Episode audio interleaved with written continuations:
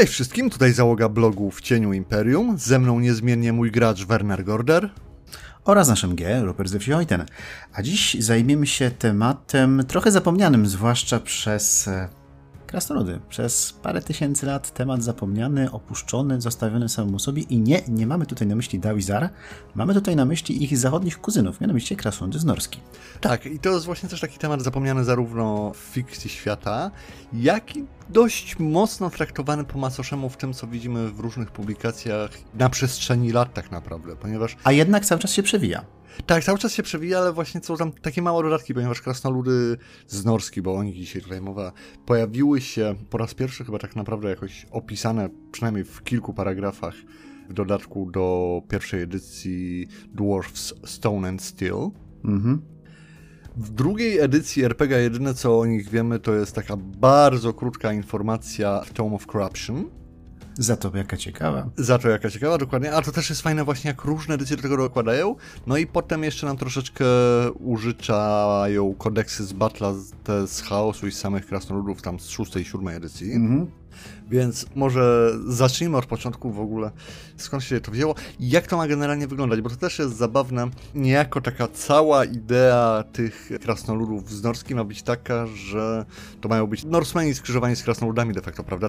Krasnoludy wikingowie, przynajmniej w takiej wersji tej wizualno-stylistyczno-kulturowej, o czym mamy różne opisy. To też jest ciekawe z racji tego, że same krasnoludy i cała, powiedzmy, idea krasnoludów w dużej mierze opiera się na jakichś tam celtycko-szkockich korzeniach, prawda, z tymi klanami, e, zaplataniem warkoczych, które w tej wersji głównie na brodach. Ale też wikingskie też takie bardzo, zwłaszcza ta stylistyka, którą się pokazuje w podręcznikach. Tak, w jakiś sposób to jednak zawsze z wikingami się mimo wszystko łączy i to z powodu, wiadomo, samej historii Wysp Brytyjskich, gdzie Szkoci, Normalni najazdy i tak dalej, więc to w jakiś sposób było mieszane. No i mamy te, prawda, idee klanów, które właśnie przechodzą.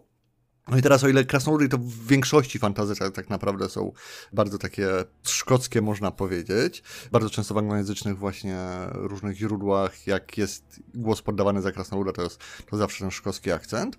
No i teraz właśnie niejako trochę wracają do domu, ale trochę w inną stronę w formie krasnoludów z norskich, gdzie prawda staramy się te bardziej normańskie właśnie wpływy wikingów pokazać i wymieszać kulturę krasnoludzką z tą kulturą wikingów, co daje ciekawe pomysły, daje na pewno dużo też fajnych rzeczy, które można wprowadzać na nasze sesje do Warhammera. Tak, a jeżeli chodzi o sam lore, to w zależności od tego, czy patrzymy na nowsze wydania, czy sięgniemy do loru RPG, tej właśnie pierwszoedycyjnej Dwarf Stone and Steel, o których wspominałeś, to mamy historię pojawienia się w świecie Warhammera Norski taką, że mianowicie albo tutaj Tome of Corruption Rzecz działa się bardzo dawno temu, kiedy krasnoludy eksperymentowały dopiero z runami i część z nich chciała podążyć na północ, żeby być bliżej jednak bądź co bądź źródła potęgi magicznej. I część z nich dotarła do Oskulak, do tej równiny kości i niektóre zdecydowały się podróżować dalej, jakby na wschód, no i z nich później powstały Dawizar.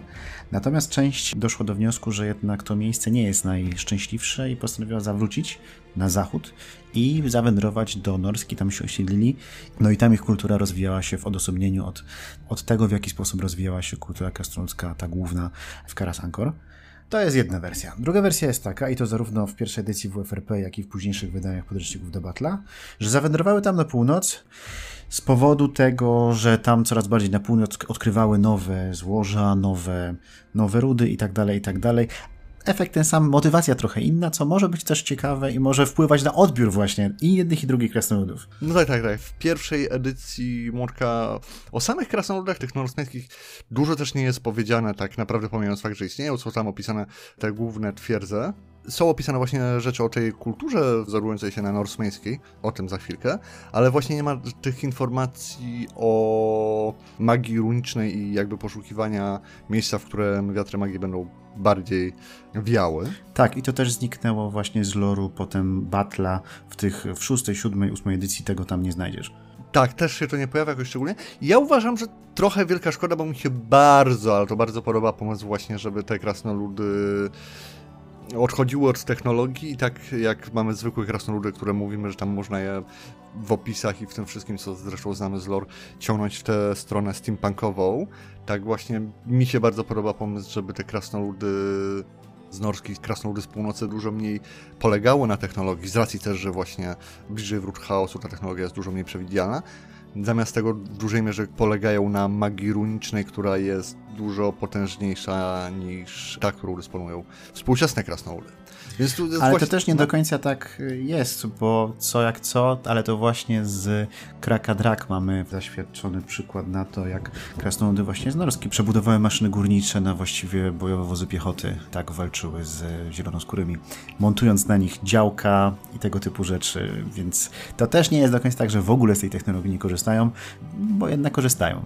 Tak, to prawda, tym bardziej, że też e, wiemy, że dysponują artylerią, więc no niestety nie do końca są takie w 100% norsmeńskie. I może też właśnie podajmy parę rzeczy a propos norsmeństwa krasnoludów z Norski. Bo tak, to jest bardzo często opisywane właśnie, jak to, te kultury się przenikają.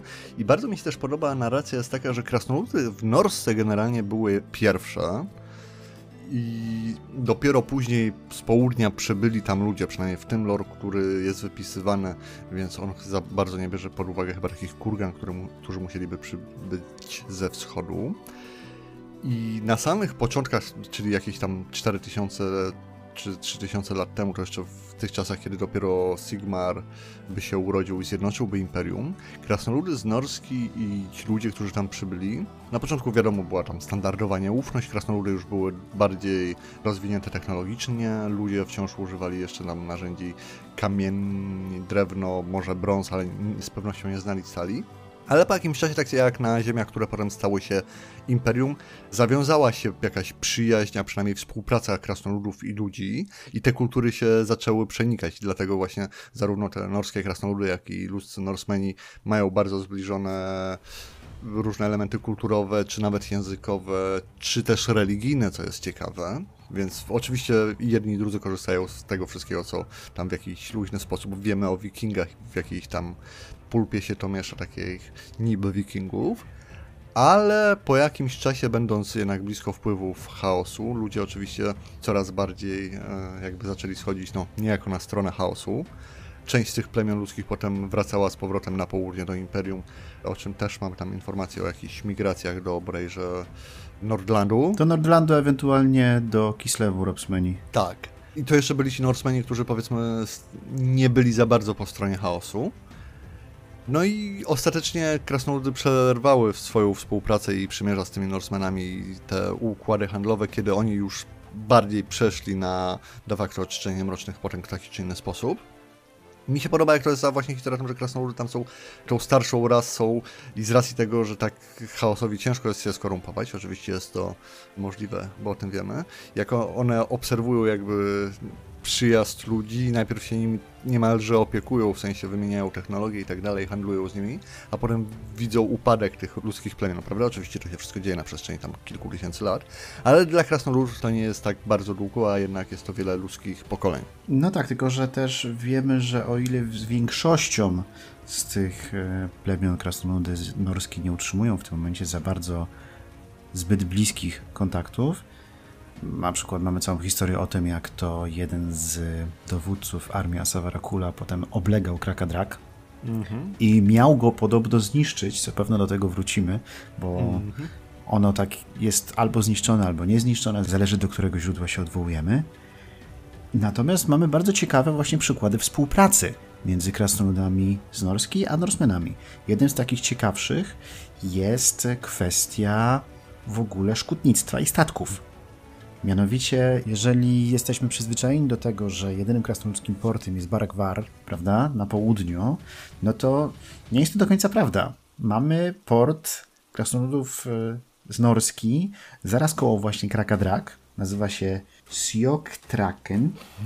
Jest to port nad Morzem Chaosu, z którego wiemy, że wypływają krasnoludzkie drakary. Mhm. W jakimś celu. Skoro te drakary nie wypływają po to, żeby plądrować, bo chyba nie ma informacji, przynajmniej ja nie znam informacji na temat tego, żeby gdzieś na wybrzeżu pojawiły się krasnoludy i plądrowały.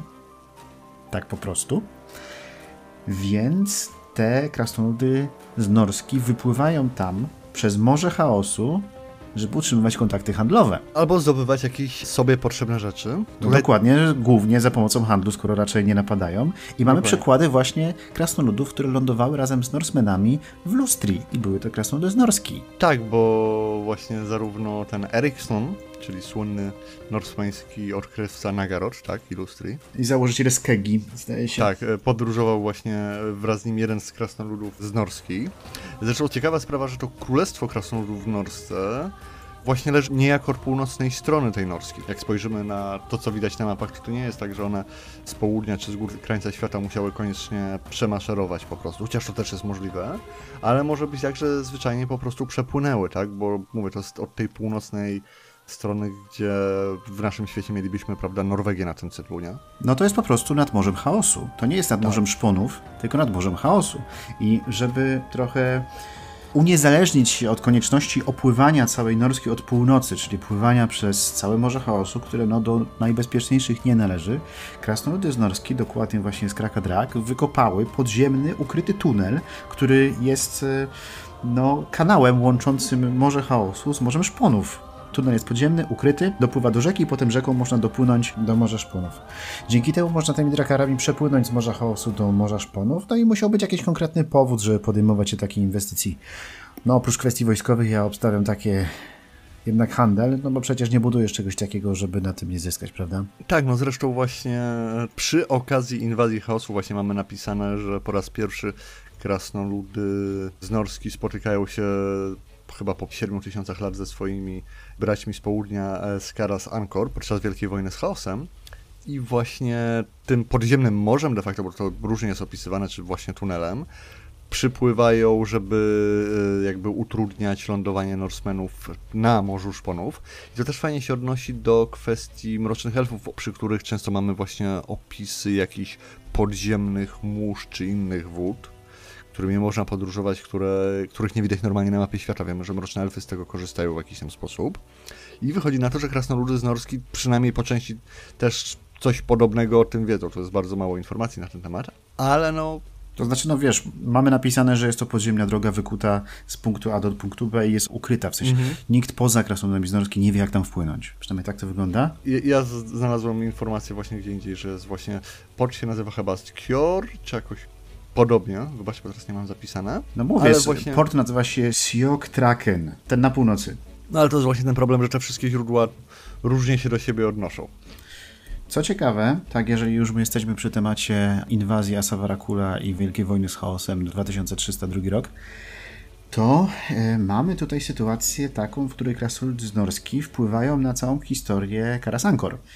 No bo tak, krasnoludy właśnie z Karasankor idą na północ walczyć z chaosem właśnie pod ramem Kislewu i tak dalej, pod przewodnictwem wielkiego króla Alriksona. Król Alriksson jest tam ranny, po czym wraca z powrotem do Karasankor i obmyśla w jaki sposób wyznaczyć swojego następcę, bo tam jest kilkunastu kandydatów. Jego syn zginął podczas tej wojny, w związku z czym no, trzeba by komuś przekazać władzę. I wymyśla, żeby zrobić e, wielkie spotkanie wszystkich królów z Karasankor i na tym spotkaniu zadaje najodważniejszym questa. Kto w ciągu roku dokona najbardziej krasnoludzkich heroicznych czynów, ten zostanie mianowany następcą po jego śmierci i tak dalej. No i tam pojawiło się kilku kandydatów.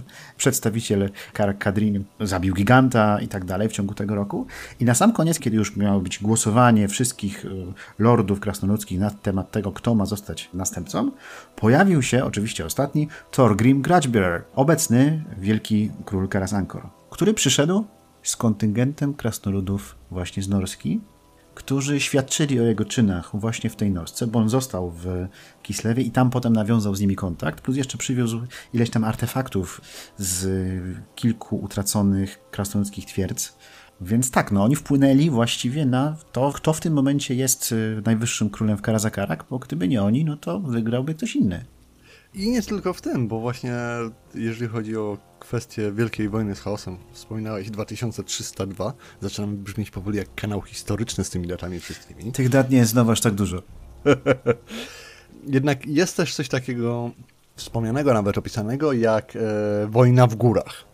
Wojna w górach, o której już tam gdzieś napomknęliśmy wcześniej, to jest wtedy, kiedy niejaki Walmir Aisling, nazywany imperatorem chaosu, Norseman, norsmański dowódca i wódz doszedł do wniosku, że idea krasnoludów w jego pięknej Norsce mu się nie podoba, czy twierdza mu szpecą widok pięknych e, norskich gór i postanowił to wszystko zniszczyć.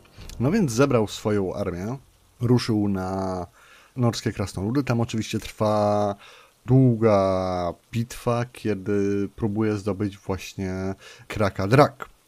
Ostatecznie rzecz biorąc, podczas pojedynku z tamtejszym krasnoludzkim królem, król widząc, że nie wygra ani pojedynku, ani tej bitwy, daje rozkaz, aby działa zaczęło ostrzeliwać góry i generalnie sprowadza ogromną lawinę, która wszystkich pogrzebuje w tej twierdzy, zabijając większą część armii samego Walmira.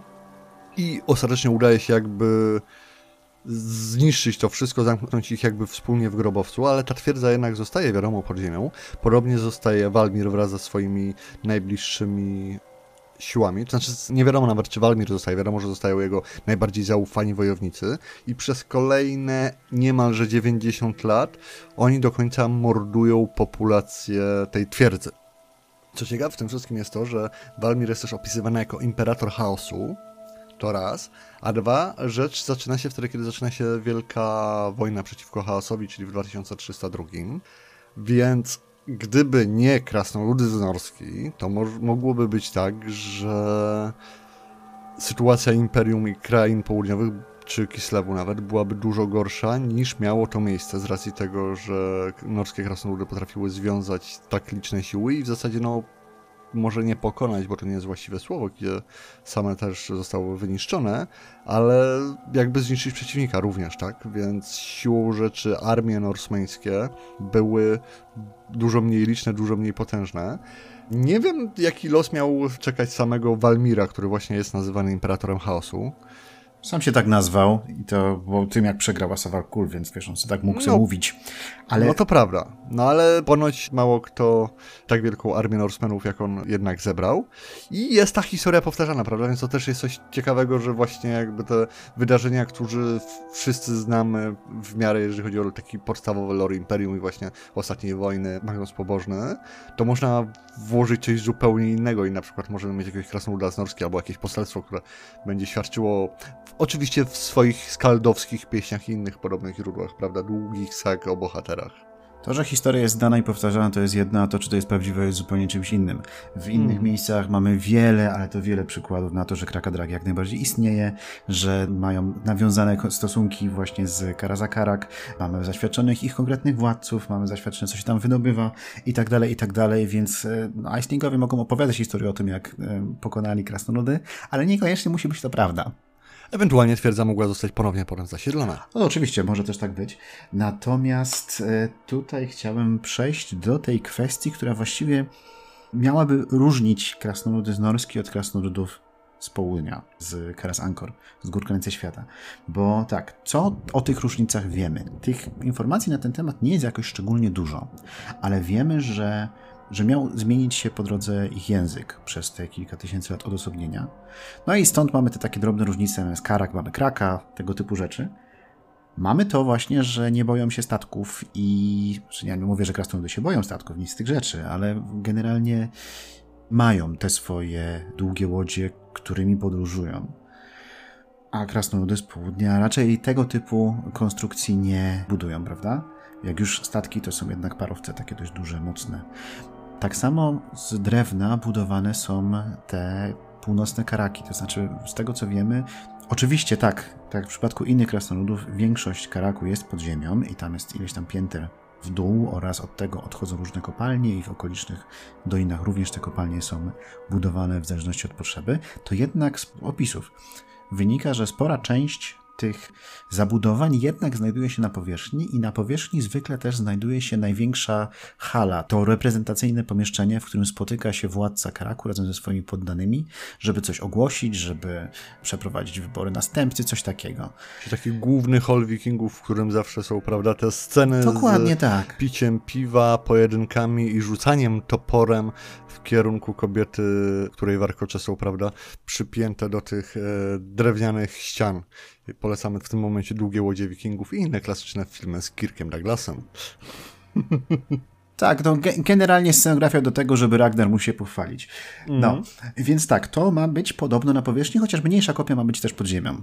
Co jest jeszcze ciekawe, wspominałeś tutaj o wierzeniach, to wierzenia krasnoludów z Norski mają być trochę inne i zmienione trochę w stosunku do tego, w co wierzą krasnoludy z Karas Ankor. Mianowicie oni tak, wierzą w swoich bogów przodków, jak najbardziej, ale według tych znanych nam opisów mają podkreślać inne jakby ich aspekty. To znaczy, jeżeli jest Grimnir, który nakazuje bronić krasnoludów, to krasnoludy z Norski by atakowały, ponieważ najlepszą bronią jest atak. Mm. Jeżeli jest Walia, która ma troszczyć się o klan, to jak ktoś umrze od choroby, to może nie zasługiwał na to, żeby w tym klanie być. Takie drobne zmiany, których przykłady teraz wymyślam, ale Wiesz o co chodzi? Ma to być wszystko ostrzejsze, trudniejsze, na granicy z jakimiś aspektami mrocznych potęg. Jak wszystko nowe w Warhammerze musi być jeszcze bardziej niż to stare. Zresztą mi się w ogóle podoba pomysł, bo jest gdzieś e, taki zapis właśnie jak się czytało o krasnoludach z norskich, że ponieważ z racji na swoją lokalizację one i być odciętym od świata, one uniknęły zarówno wojny o brodę i spustoszenia, jakie to siało wreszcie Krasnoludzkiego Królestwa i potem wojen z goblinami, więc nie zostały zmuszone do takiego pędu technologicznego i społecznego, tak to jest napisane, aby przetrwać, jak e, miały to krasnoludy z południa. Tu się kończy lore de facto, bo mówię, to jest jedno czy dwa zdania o tym napisane właśnie, o tych zmianach. Teraz moja koncepcja to już jest taka, że krasnoludy z Norski na de facto mogą być tymi oryginalnymi krasnoludami. Moja koncepcja jest taka, że przymierze z ludźmi, z Sigmarem i to wszystko sprawiło, że krasnoludy, jakie znamy, stały się, wiesz, takie trochę bardziej miękkie niż kiedyś, takie trochę mniej skore do walki, takie troszeczkę bardziej ostrożne, takie pijące trochę mniej, takie, takie jak generalnie krasnoludy zwykle się wyrażają o ludziach, nawet jak starają się wyrażać pozytywnie, tak wydaje mi się, że krasnoludy z Norski mogłyby się wyrażać o zwykłych krasnoludach, gdzie właśnie z racji tego, że było tak bardzo zamknięte, była ta enklawa odcięta od wszystkiego innego, tego małego krasnoludzkiego królestwa na północy, gdzie dookoła tylko trole, giganci, armia chaosu, Norsemeni i cała reszta, to, że one niejako zostały bliższe krasnoludzkim tradycjom i początkom, troszeczkę też tym prymitywizmem krasnoludzkim, takim też w dobrym rozumienia, podczas gdy południowcy zostali zmuszeni do tego, żeby jednak iść naprzód, wykorzystywać bardziej technologię, skupić się na tym, że ich liczebność strasznie spadła i żeby to był ten rozdźwięk. Przynajmniej taka jest moja luźna koncepcja, która w jakiś sposób jest popierana przez to, co w lore stoi, prawda? Zupełnie się z tą nie zgodzę, ponieważ bądź co bądź, a to nowość, nie? Ponieważ bądź co bądź krasnoludy pochodzą z południa i im bardziej schodzimy na południe, tym starsze mamy twierdze krasnoludzkie. Te twierdze krasnoludów Norski są na samym końcu tego łańcucha dotarły tam najpóźniej. W związku z czym to raczej tamta okolica je zmieniła, zwłaszcza, że też znajdujemy informacje na temat tego, że może one co prawda nie wyznają mrocznych potęg otwarcie i wprost. Właśnie do czego zmierzałem z tą wiarą? To one tam wyznają takie aspekty bogów przodków, które graniczą właśnie z jakimiś mniej radykalnymi aspektami bogów chaosu.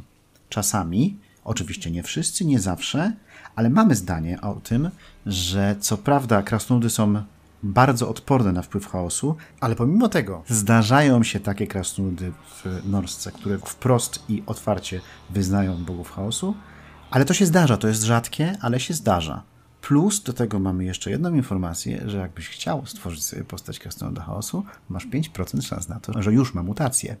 W związku z czym to społeczeństwo krasnoludów w Norsce jest bardziej dzikie, jest bardziej związane z tą norską i co prawda nie jest złe tak po prostu per se i nie jest Dawizar. To nie są krasnoludy, które całkowicie odrzuciły swoje tradycje i zwróciły się zupełnie w inną stronę, ale to jest jednak społeczeństwo krasnoludzkie, które zostało przez te tysiąclecia troszeczkę zmienione i teraz tak, tego to już w ogóle nie ma w loża, ale jak ja się nad tym zastanawiałem, to wyszło mi tak, że przecież one mogłyby chcieć to ukryć trochę w kontaktach ze swoimi e, kuzynami z południa, prawda?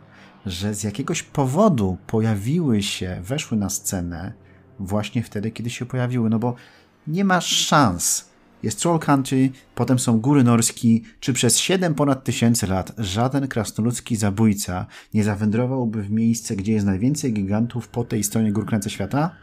I nie zobaczyłby swoich pobratymców, nie zauważyłby karaków, nie nawiązałby jakiegoś kontaktu? Gdzie były te kontakty, skoro ich nie było? Dlaczego ich nie było?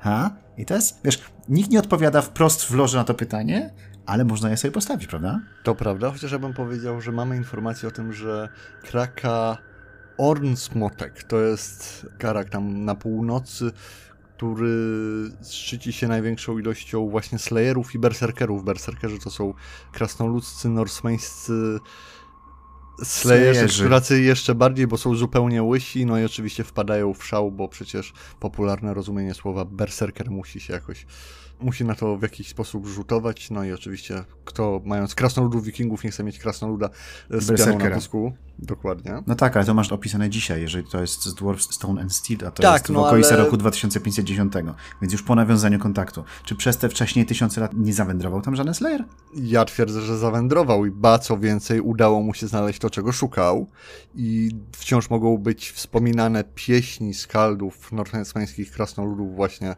w tamtych okolicach o tych Slayerach, którzy przywędrowali, ale po prostu te informacje nie wróciły przez kilka tysięcy lat, ponieważ nie było tego kontaktu. I ja jednak dalej obstaję przy swoim, że moja wersja z tym, że to krasnoludzkie społeczeństwo prawdziwe, z racji, że było zamknięte, ono nie mogło się zmienić, bo musiało przetrwać, było właśnie tak sztucznie zamknięte na północy, podczas gdy krasnoludy z południa tak naprawdę przez tą swoją współpracę i na dobrą sprawę nawet poleganie na ludziach z czasem zmiękły, stały się mniej krasnoludzkie, troszeczkę wiesz, bardziej ogolone, pijące słabsze piwo, polegające na tych technologicznych nowinkach, którym wystarczy kilkaset lat i już są wprowadzane, podczas gdy krasnoludy z Norskie jakby zostały wierne temu, co jest, było u zarania e, krasnoludzkiej rasy. I tej wersji będę się trzymał. To, że tak będą mówiły krasnoludy z Norski, to jest więcej niż pewne. A czy to jest prawda, to już jest zupełnie inna kwestia. No. Ale jak sami widzicie, no to rzeczywiście e, krasnoludy z Norski to jest wdzięczny temat. Zresztą jeszcze chciałem właśnie powtórzyć raz a propos run i bardzo bym chciał, żeby to się jakoś oficjalnie pojawiło. Ja wiem, że właśnie o tej kwestii runicznych przedmiotów i magii mamy naprawdę de facto dwa akapity króciutkie w Tome of Corruption do drugiej edycji, ale bardzo mi się podoba pomysł właśnie krasnoludów, które rzeczywiście wykorzystują magiczne runy w dużo większym natężeniu na tej zasadzie, że na przykład oni mogą nie mieć organ canons, ale już, e, nie wiem, golemy magiczne czy coś takiego mogą być czymś dużo popularniejszym, czymś bardziej przydatnym, podobnie z bronią runiczną, tatuażami runicznymi, runami na statkach. Mamy informację o tym, że Królestwo Krasnodów z Norski otoczone jest wielkimi kamieniami runicznymi, troszeczkę przypominają notabene Atle Loren, tak żeby poprawić samopoczucie wszystkim fanom krasnoludzkim tutaj. No ale wiemy, że mają właśnie jakieś takie ogromne kamienie runiczne, które w jakiś sposób mają chronić królestwo przed najazdami. Nie bardzo wiadomo, w jaki sposób to działa. No ale możemy sobie wyobrażać, prawda, nie wiem, kamienie, które sprowadzają błyskawice, czy nawet kule ognia na pojawiających się obcych, armia chaosu czy cokolwiek takiego. I bardzo mi się podoba pomysł właśnie z racji tego, że krasnoludy zawsze są tą rasą, którą możemy próbować właśnie odbijać w kierunku steampunka do tych ich kolei podziemnych, żyrokopterów, cepelinów, pancerników pływających, o których już wspominałeś, żeby tutaj były krasnoludy właśnie, które wiesz, mogą dysponować magią, jakiej nie znamy, tym bardziej, że tak jak krasnoludy chaosu dają nam de facto magię, której poza nimi nie znamy, prawda, z tymi swoimi kapłanami Haszuta, którzy zamieniają się w kamień. Zakuwaniem demonów w broń na przykład, czy coś takiego. Dokładnie, więc jakie ciekawe rzeczy moglibyśmy mieć. Ja to bardzo widzę w takiej wersji właśnie szamańskiej, właśnie tu mówisz o demonach, więc jakiś de facto nie, niemalże duchy lasu, czy duchy strumyków, wiesz, takie rzeczy. Pioruny, mogłyby... pioruny, więcej piorunów. Tak, mogłyby pasować właśnie w mitologię nordycką. I koty. Nie zapominaj o kotach, które ciągną rydwany. tak, ale my, myślę, że to jest świetny pomysł właśnie na zdecydowane odświeżenie, powiedzmy, nie tylko Starego Świata, ale właśnie krasnoludów. Czy to zarówno z perspektywy mistrza gry, który chciałby tych krasnoludów pokazywać, czy z perspektywy gracza, który tam po rozmowach z mistrzem gry chciałby pokazać innego krasnoluda, który, wiesz, po pierwsze będzie na przykład dużo bardziej skory do zabawy, do śmiechu, do radości, ale też do pijackich burt. Mniej taki... Jeszcze bardziej? No jeszcze bardziej. Zdecydowanie jeszcze bardziej, ale właśnie wiesz, mamy pretekst do tego, żeby w zasadzie w zgodzie z lore wymyślać postaci krasnoludzkich szamanów, więc dlaczego by nie? Wiesz, mi też się krasnoludy norski bardzo podobają. Ja uważam, że to jest taki przykład, podobnie trochę jak e, Laurelorn. To znaczy odprysk z rasy, który nie wpisuje się w jakiś taki podział, który jest tym podziałem standardowym. To znaczy mamy te standardowe krasnoludy, to jest oczywiście w e, cudzysłowie, to w tym momencie mówię, z Karas Ankor, czy powiedzmy z Imperium, plus te niestandardowe krasnoludy, o których wszystkie standardowe krasnoludy milczą, czyli Dawizar. A tutaj mamy coś, co się nie wpisuje ani w jedno, ani w drugie. To znaczy nie są po tej złej stronie, ale są bardziej dzikie i też jednak trochę ciążą w kierunku tej złej, oczywiście znowu w cudzysłowie, ale nadal tej granicy nie przekraczają, nie boją się wsiąść na Drakar, popłynąć do Lustri i tak dalej. Wiesz, to jest faktycznie coś innego, coś, co można eksplorować i myślę, że warto to eksplorować. I czasami do jakiegoś miasta portowego, dlaczego nie miałby przypłynąć statek z dobrami snorski przewieziony przez krasnoludzką załogę? Dokładnie tak. Zwłaszcza, że nie mają takich animozji w stosunku do elfów jak pozostałe krasnoludy, bo nie mają z nimi żadnej historii. Właśnie to jest też bardzo fajny fragment, że no w sumie nie było wojny o brodę dla nich, więc można się dogadywać zresztą, żeby było śmieszniej, wtedy równie dobrze mogą współpracować z wysokimi, jak i mrocznymi elfami, prawda, zakładając. Tak, tak, tak, jak najbardziej. Jakąś tam wymianę handlową czy cokolwiek, no też takich pragmatycznych czysto przyczyn, co też może być ciekawym przyczynkiem do kampanii i różnych historii. No, więc to nasz kolejny odcinek o krasnoludach na dzisiaj będziemy chyba kończyć, bo informacji jest tutaj sporo, chociaż e, ciekawych, które można wyciągnąć z tych kilku... Drobnych skrawków, stron. nie? Tak, dokładnie. Mam nadzieję, że Wam się podobało. Klasycznie wielkie podziękowania dla naszych patronów, którzy wspierają nasze prace nad podcastem i dzięki ich wsparciu jesteśmy w stanie sięgać po coraz to nowe źródła i znajdywać rzeczy wcześniej nieodnalezione. Zerknijcie na naszego Discorda, wpadnijcie na naszą stronę na Facebooku, tam też się pojawiają różne informacje.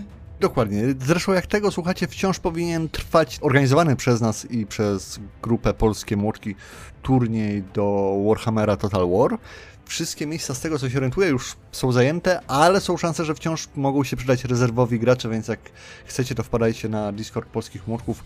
Link znajdziecie w opisie. Tak samo na naszym blogu jest dużo tekstów o tej kampanii fabularnej, gdzie opowiadamy właśnie historię tych wydarzeń, więc nawet jak nie chcecie grać, to warto sobie poczytać. A gracze je współtworzą, ponieważ to w zależności od tego, kto wygrywa na porach bitew, tak kształtuje się ta historia. A tymczasem żegnamy się z wami. Chwała Imperium i niech prowadzi was Odinson? Torinson? Lost Odinson. Lost Odinson, dokładnie. Niech wasze krasnoludzkie drakary nie staną w elfie i mgle, tylko dopłyną tam, gdzie bogactwa i piwo są powszechne i czekają na was. I więcej piwa. No i złota. I nie zapominajmy o złocie, tak? Oraz o złocie. A piwo też jest złote, więc to, to, to, to dobrze. Trzymajcie się, cześć.